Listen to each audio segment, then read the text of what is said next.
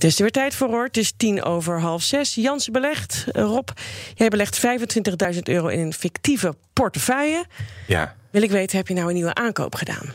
Ja, ik heb uh, Unilever gekocht onder andere. Uh, we hebben het hier eerder gehad over veilige havens voor beleggers. En uh, wat mij betreft hebben we het hier toen ook over gehad. de categorie obligaties, die is voor mij afgevallen als particuliere belegger op dit moment niet interessant. Daarom -hmm. ga ik op zoek naar veilige havens binnen aandelen. Nou, mijn vorige aande, aanschaf was Microsoft. -hmm. Vooral vanwege de clouddiensten die het bedrijf levert. dranken en levensmiddelen gelden als uh, relatief veilige belegging. En die, in die sector heb ik al AB InBev, de grootste bierbrouwer ter wereld. Toch heb ik dus in die hoek nog een aankoop gedaan. Voor veel beleggers is Unilever een vaste waarde uh, in de portefeuille. En in voelige tijden zie ik uh, Unilever wel zitten. En de tweede aanschaf, ik heb geïnvesteerd in een soort bouwbedrijf, het Franse Vinci. Oh, wat is dat voor bedrijf? Bouwbedrijf? Wat voor bouwbedrijf? Nou, het, wordt, het wordt de grootste aannemer ter wereld genoemd, maar dat is een beetje uh, uh, te makkelijk. Daarmee vang je te veel onder één uh, paraplu. De omzet 44 miljard euro.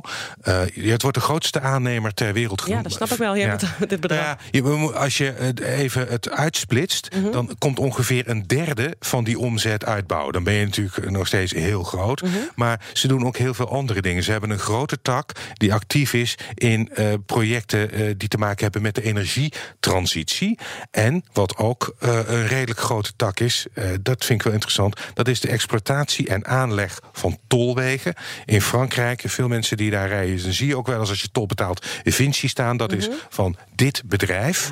Ah. Um, en zij exporteren ook vliegvelden. Die leggen ze aan. Ze hebben eigen betonfabrieken. Uh, het is gewoon een heel groot concern. En als je kijkt naar de resultaten over de afgelopen jaren, mm -hmm. uh, dan zijn die heel behoorlijk, omdat daar voor een deel natuurlijk ook ja, langlopende contracten ja. in zitten. die tolwegen die blijven geld opleveren. Mm -hmm. Dus ja, ik vond dat wel een interessant. En het ja. is ook een sector die ik nog niet heb in mijn. de bouw. nou ja, de bouw, maar ook het is iets breder. Het is in, engineering, hè, technologie. Ja. Uh, maar wel heel erg aan bouw gerelateerd. Maar ook de exploitatie dus van mm -hmm. infrastructuurprojecten en vastgoed. Want is even over de bouw gesproken. Is er niet heel risicovol? Neem nou BAM bijvoorbeeld, nieuws ja. van vandaag. Nou ja, BAM is een mooi voorbeeld inderdaad vandaag. Die doet alleen bouw. Um, en je zou kunnen zeggen, ja, er is nu 24% op dit moment, uh, het is 24% ruim lager gesloten. Mm -hmm. Is dat dan niet een mooi instapmoment? Bij, bij, bij, bouwers, uh, zeg maar gewone bouwers tussen uh-huh. aanhalingstekens, zeker zoals zij in Nederland uh, moeten inschrijven op infraprojecten, dat levert heel veel risico's op. Om de zoveel tijd komen er tegenvallers uh, bij bouwers. Mm -hmm. Of dat nou uh, uh, BAM is of Heijmans. met enige regelmaat ja. komt dat terug. Marges zijn daar, in tegenstelling tot Vinci, heel erg laag. Dus is er een tegenvaller, dan krijg je ook meteen... en dan zit je meteen mm -hmm. in de rode cijfers. Kortom, nee, dat doe ik niet. Nee. Al, al, zou je, als je speculatief belegt bijvoorbeeld... dan zou je dat misschien kunnen doen als je ervan uitgaat. Ja, want jij bent heel voorzichtig, hè? Nou ja, heel voorzichtig. Nee, verstandig op lange termijn. En ik loop gewoon risico. Ik bedoel. Uh, maar risico. geen hele grote, toch? Nou, ik ga niet in de bitcoin. en ik. Um, uh, nee, ik wil het met, met, met beleid te doen in ieder geval. Ja.